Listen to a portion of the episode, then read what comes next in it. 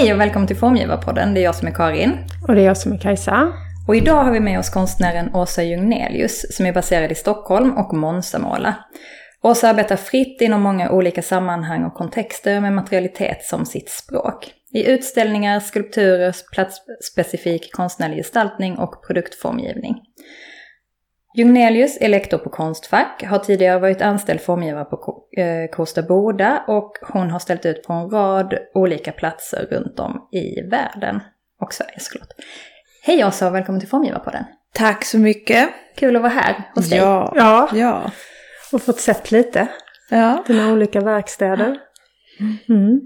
Eh, jo, Åsa, man skulle väl kunna säga att eh, du ehm, slog igenom, kan man säga så, med utställningen Fun Fearless Female tillsammans med Ulrika Hydman Wallin på Smålands museum 2004.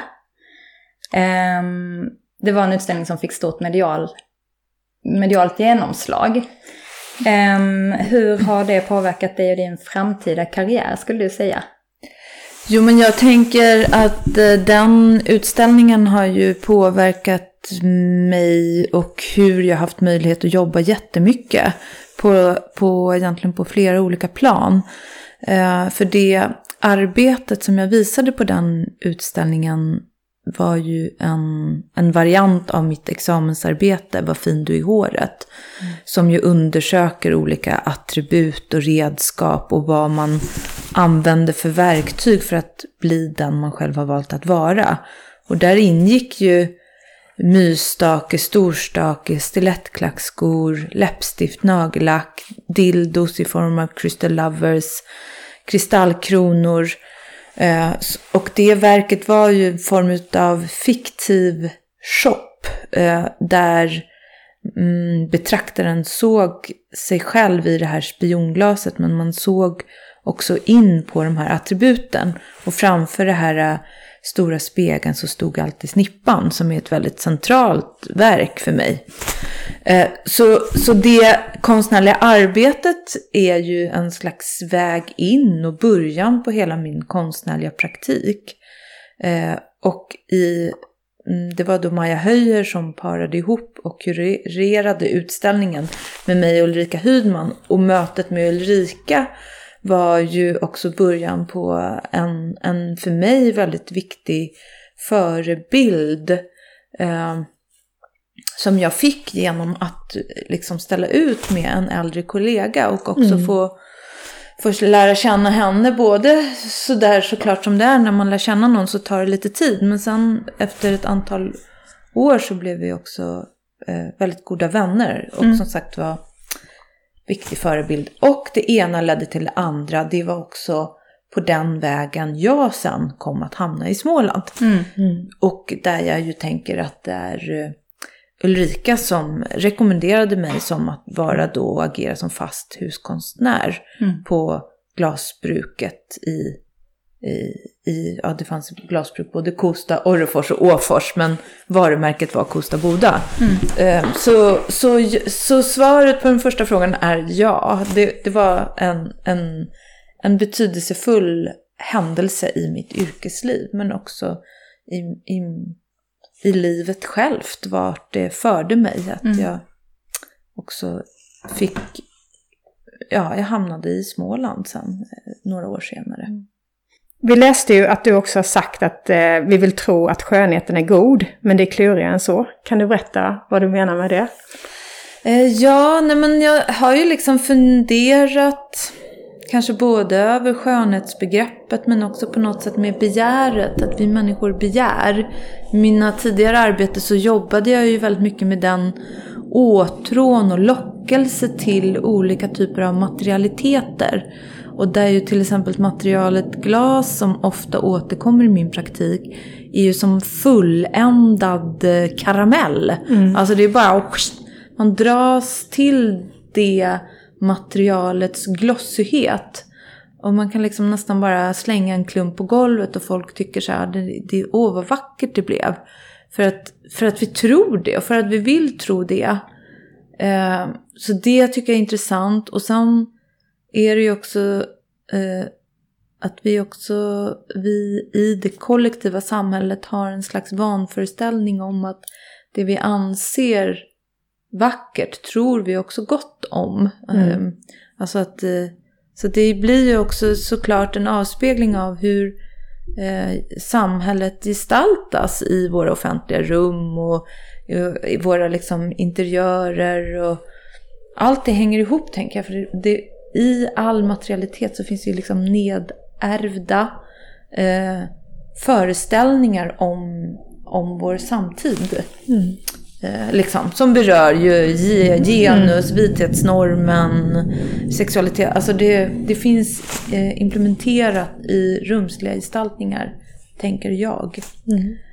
Eh, Ehm, ja men precis, alltså det känns ju som att du i din praktik också har jobbat mycket med, alltså att, det, att, att, att skönhetsbegreppet eller liksom eh, konstitutionen kring skönhet har varit, är är liksom en viktig tankegång eh, även i liksom, alltså innehållsmässigt. Ja, absolut. För det, det är som jag ju har jobbat mycket med i hur vi skapar eh, eh, våra identiteter eller hur vi skapar våra, liksom, bilden av oss själva gentemot eh, de personerna som vi vill spegla oss i. Och, och då, då skapar man ju både eh, normativa gestalter och inte. Alltså att med materialitet kommunicerar vi hela tiden och kan också laborera med ehm, ja, en, vem, man, vem man vill vara.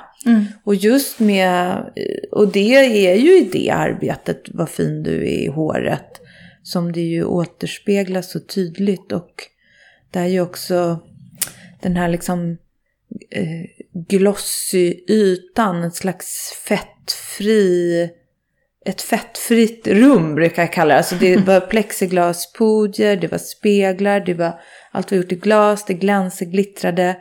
Eh, det var också massa liksom påhängda tassels och, och an, andra liksom materiella accessoarer. Och i en sån miljö kan man ju inte vistas som människa för hur än liksom rör dig och tar i de sakerna så lämnar du ju, du lämnar ju liksom fettfläckar efter dig. Alltså det är klart man kan göra det men det är inte särskilt bejakande. Så det, det är ju en slags omöjlighet i den typen av rumsligheter. Och, och också i hur man på något sätt pratar om eh, politik med hjälp av ett megaglossigt material. Eh, och på något sätt pekar på, eh, pekar på frågor eller liksom un, undersöker eh, stereotypa idéer om hur saker och ting ska vara. Då till exempel könsmaktsordningen och kritiserar den och eh, självklart var det liksom ett tydligt feministiskt arbete. Snippan fanns inte i den akademiska ordlistan som ord.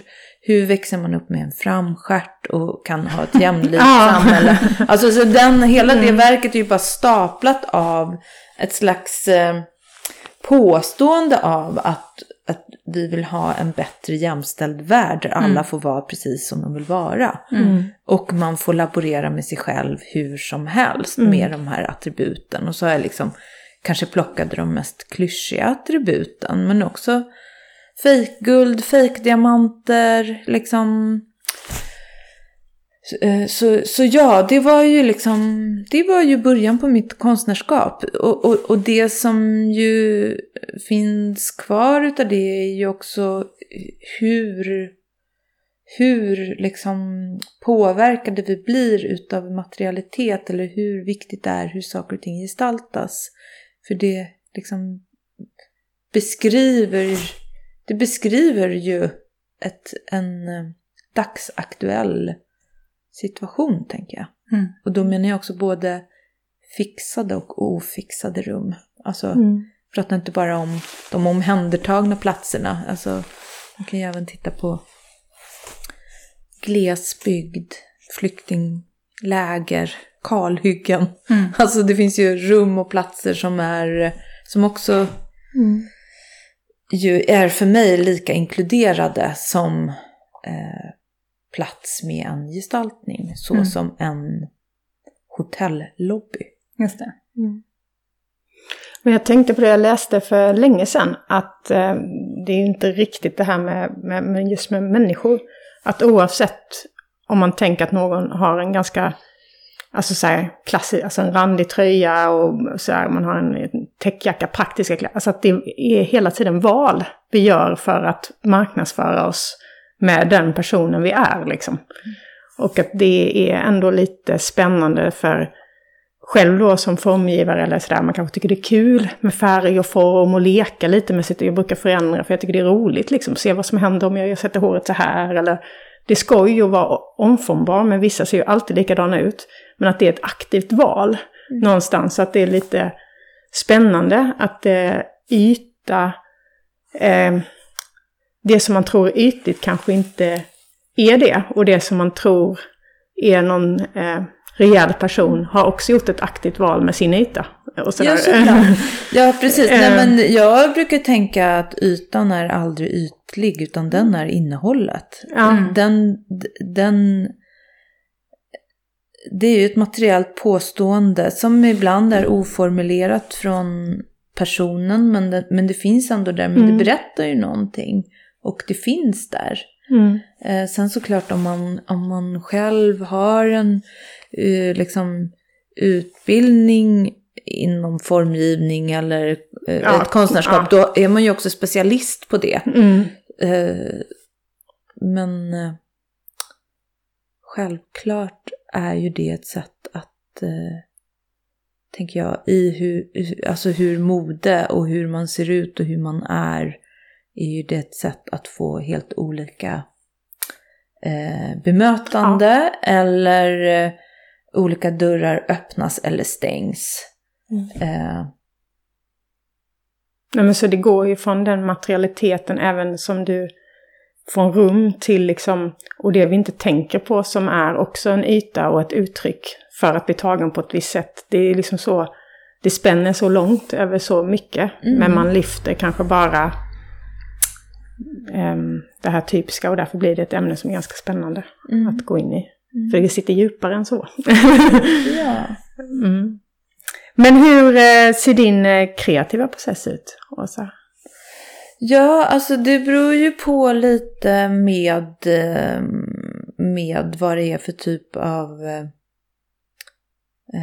situation eller sammanhang som jag arbetar i. Men, men, men om jag liksom tänker, um, om jag liksom försöker reflektera i någon slags vidare bemärkelse i hur saker och ting har gått till.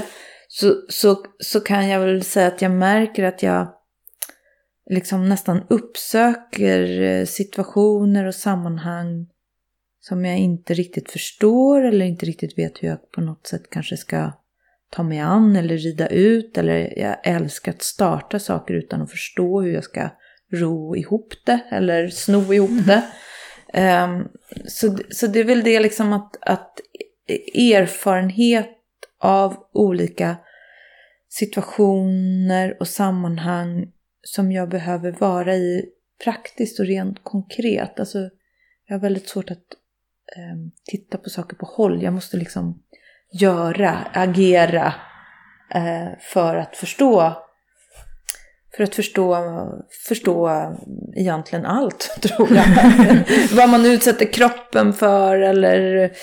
ehm, ja, så att, så att jag liksom lever på så. Och på så vis så skapas ju också erfarenheter av och saker som jag tycker är relevanta att prata om. Och sen så utövas mitt konstnärskap utifrån det, Mm. kanske då.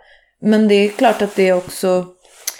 Många frågor är ju helt och hållet kopplade till egna erfarenheten Mm. och en egen ilska kanske över sakernas ordning.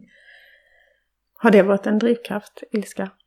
Ja, men det har det absolut varit. Eh, mm, Nu var jag eh, förra veckan på Konstnärernas hus i Oslo och satte upp en skulptur från 2008. Mm. Eh, som heter Akta annars kommer jag ta dig. Och eh, det fick jag liksom en kommentar av, så här, "Ah, men det här är som materialiserad ilska. Jag bara, ja, jag var så fruktansvärt arg när jag gjorde den här. Men det är också så här, man är inte arg jämt och man är, inte, å- man är inte arg årtionde efter årtionden. Men, det är klart att det liksom, eh, i de, mina tidigare verk bygger ju verkligen på ren ilska. Men nu har jag ju också efter erfarenhet av ut, liksom erfarenheterna av mitt eget utövande gör ju också att jag får större utrymme. Och då kan man inte heller gå runt och vara arg. Det blir liksom lite förmätet. Ja. Eh, Utan då får När man man, ju också liksom snarare, makten, ja, då får man också vara ehm, liksom ödmjuk inför att man har möjlighet att faktiskt förändra på riktigt och skapa skillnad. Så då, men det kommer ju en, en väldigt stor ilska. Men du arbetar ju just nu och sedan ganska länge med ett gestaltningsuppdrag för Stockholms nya tunnelbana och uppgången vid Nya Karolinska. Eh, hur är det att ta sig an ett så stort och omfattande uppdrag? Nej men det uppdraget med att, eh, att gestalta en hel tunnelbanestation är ju som ett slags drömscenario. För i, i mitt konstnärskap så trivs jag ju allra bäst när jag får utöva och göra gestaltningar till platser där människor redan är. När inte så att säga konsten är separerad från verkligheten. Och då är ju den typen av offentliga miljöer som är ju eh, väldigt välanvända eh, otroligt roligt att få jobba med. Och, och, och där, då jobbar jag tillsammans med ett arkitektkontor och jag jobbar med ett verk som heter Snäckan som tar det här monumentala hålrummet som en tunnelbanestation faktiskt utgör. Liksom, och, och, och omfamnar det och gör det som en hyllning till moderskapet. Så, så liksom, det är ju en tunnelbanestation och gestaltningen löper igenom hela. Och sen är det vissa eh, skulpturala nedslag som också på något sätt relaterar till den Eh, skalan av en mänsklig kropp på ett annat vis. Som det är sådana stora monumentala rum på något sätt. Så, så mm, ja, det, det har varit väldigt förmånligt och roligt uppdrag. Eh, och har pågått sedan 2015. Och eh, det, är lite oklart när det ska vara färdigt. För att det är 12 stationer som ska vara klara samtidigt. Just det. Eh, som utövare då så tycks du röra dig tämligen fritt mellan liksom att konstnär, konsthantverkare, formgivare. Eh, har du alltid känt dig fri att ta de rollerna? Har de liksom varit givna och öppna för dig eller är det någonting du har fått kämpa för? Eller, eh, och hur upplever du att det är? Ja, alltså det har, har nog varit lite olika i olika perioder om jag har fått kämpa för det eller om det eh, ibland har det ju också bara eh, ja det har liksom Blivit, det har blivit, det har blivit så. Ehm, och det handlar väl också om kanske i vilken eh, generation man liksom slurpades ut ur sin högskoleutbildning ur. Då, då mitt arbete som jag gjorde var ehm, det mottogs utav eh, konstscenen Mm. eh, upplevde jag. För eh, och då började jag agera där och också jobbade ju mycket med liksom sociala processer och stora liksom samarbeten där man involverade eh, andra människor. Till exempel på Tensta konsthall så gjorde vi ett tvåårigt arbete som hette Jani Kallapur som sen blev en utställning där. Och att man liksom jobbar med eh, liksom, de sociala relationerna Mm. också Mm. som ett, ett, ett viktigt innehåll i hur materialitet gestaltas. Så, att, så att ja, jag liksom hamnade i den scenen och sen i och med eh, liksom inbjudan från Kosta Boda att vara fast huskonstnär som sen kom ett par år senare då förändrades ju, då öppnades ju nya dörrar. Och jag kanske var den som var mest förvånad över den förfrågan. Mm. Och sen var jag ju där fast under fyra år Mm. och gjorde då kollektionsarbeten mot varuhus som var ju för mig helt så här äh, nya miljöer och sammanhang egentligen. Och hela den typen av distribution som följer med det. Och sen gjorde jag parallellt utställningar. Mm. Och sen, eh, sen 2011 ungefär så har jag haft min ateljé hemma och då var det också som att jag ville vidareutveckla eh, liksom att, att jobba med rummen och rumsligheten och situationen. Och också fortsätta att vara och verka på den här platsen, bruksorten, som för mig var en, en främmande plats då jag är född och uppvuxen i Fisksätra som är ju ett slags miljonprogramsområde i Stockholm. Och börja förstå och liksom tolka det här industrialiserade landskapet och vad gör hela liksom eh, eh, industrin med en ort och ju- ja, vi kan gå in på det senare. Men och att röra mig i olika kontexter, det har också blivit för att jag har liksom låtit mig färdas med det som har intresserat mig. Och då har det varit så att vissa saker lämpar sig bättre att utöva i, i olika sammanhang. Och eh, olika, de här liksom, kontexterna är olika mottagliga. Eh, så så jag tänker ju mer på, på mitt konstnärskap som att jag, jag jobbar ju alltid liksom med samma frågor och frågeställningar men sen utövar jag det i olika sammanhang där det liksom eh, når fram. Lämpar sig bäst eller ja, kommer det fram sig bäst. Ja, och då kan ju det också bli otydligt för Mm. vissa och en tillgång för andra. Så att, Mm. Men det är väl helt eh, för det är underbart typ den här, tänker vad jag. är du för något?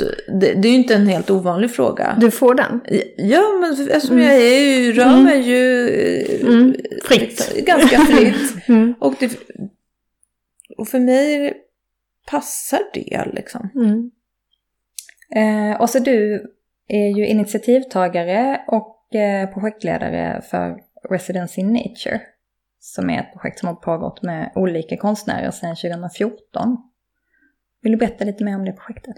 Absolut. Det föddes ju ur dels av, dels av mina egna erfarenheter av att eh, bo här i Monsamåla i en glesbygd. Eh, och också på något sätt eh, förstå den typen av rum som ju både är eh, bruksorter som kanske har en före detta industri, en före detta tillverkning som ofta har varit liksom har en manuell historia. Sen finns det ju moderna industrier här också. Men det finns liksom en slags eh, väldigt stark koppling till Småland kring produktion. Och just i den här orten, eller de här trakterna, så var ju utflyttningen som störst kring 1850-talet när eh, man emigrerade till USA för att jorden här ger inte tillräckligt med mat.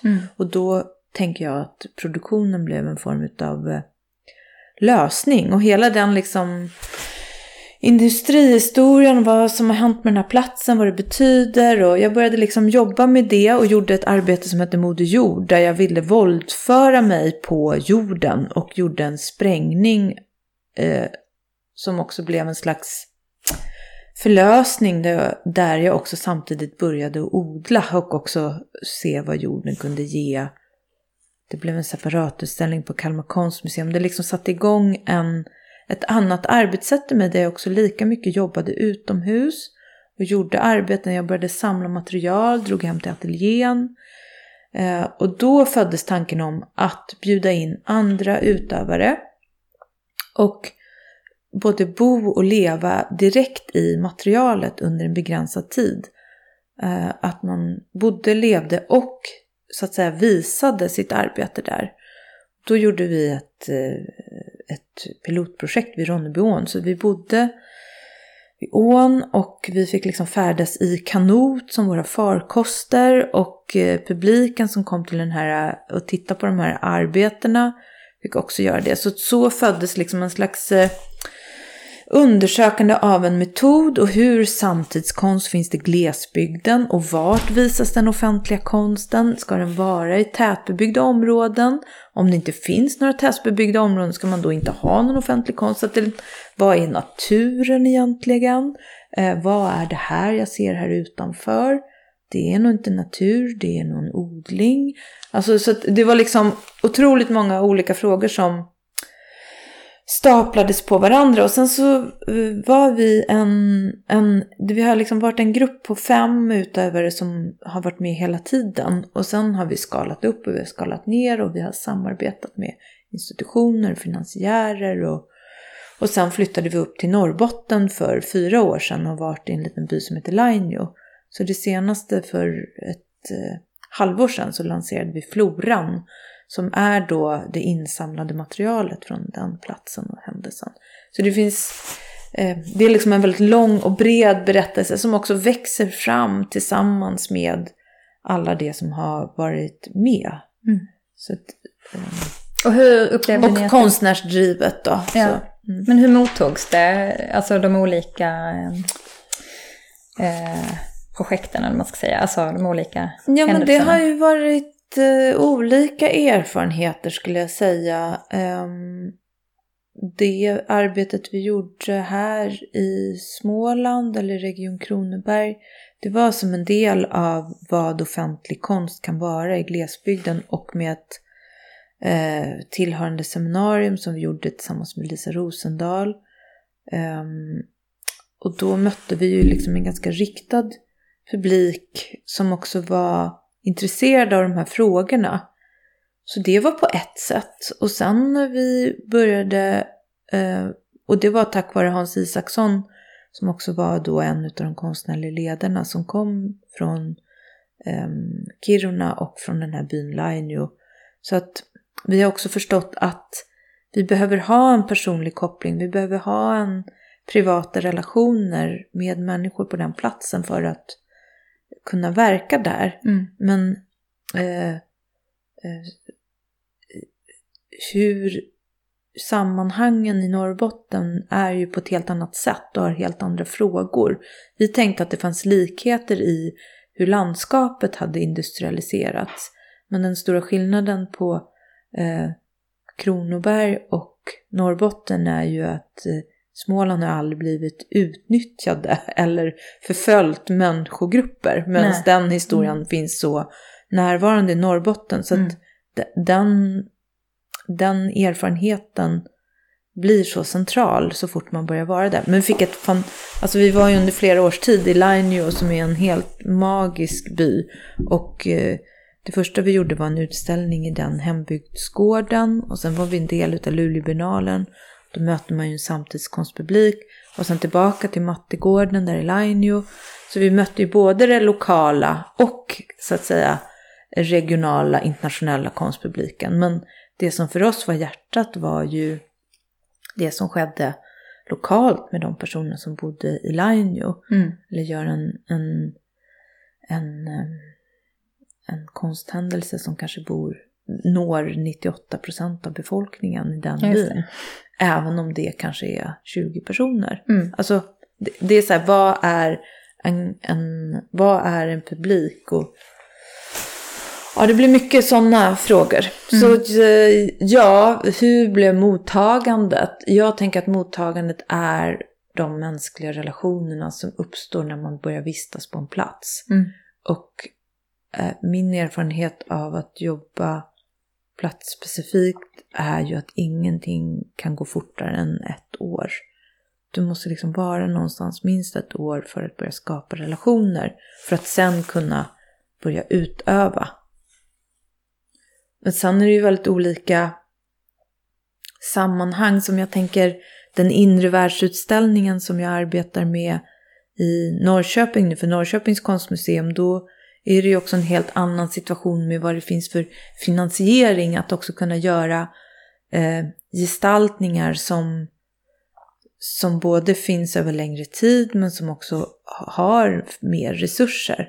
Så hur man möter och hur man blir kvar handlar ju också om hur vi menar att vi ska finansiera offentlig konst och hur den ska verka. Mm.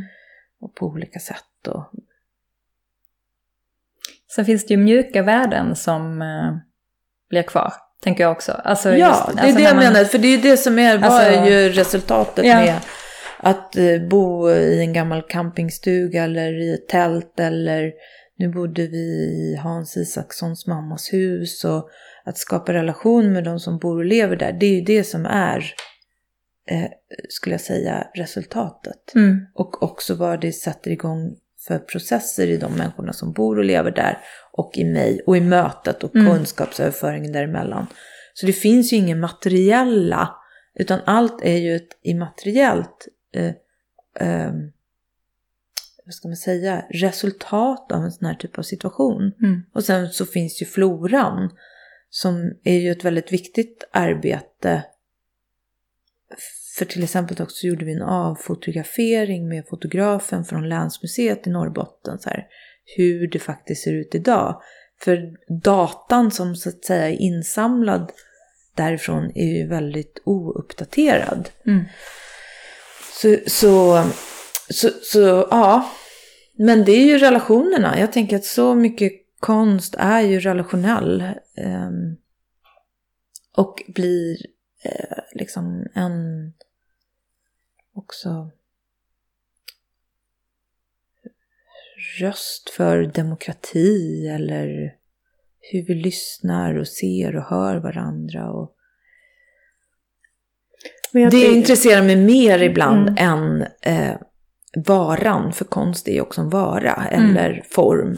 Eh, och den, det är väl därför jag måste röra mig fritt. Om man nu ska, det är ju för att få agera på riktigt med eh, immateriella resultat som då Mm. kanske heller inte har några faktiska värden.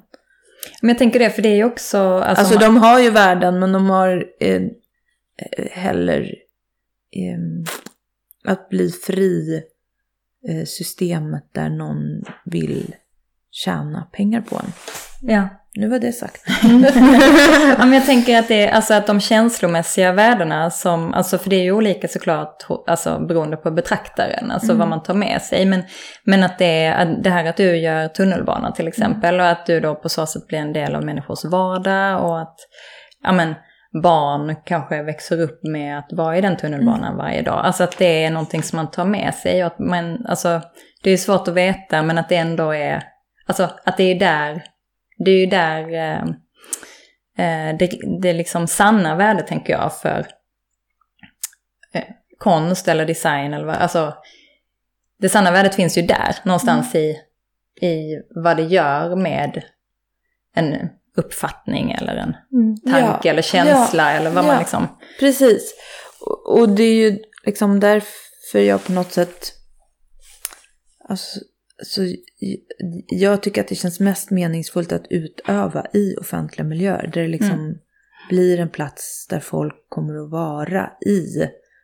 Men sen är det ju också viktigt som en residence in nature så ger man ju sig ut på en, en...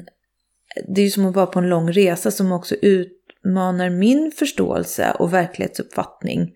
Och jag tror att den är minst lika viktig för att man också ska hitta eh, hitta eller utvidga sin förståelse av verkligheten. Mm.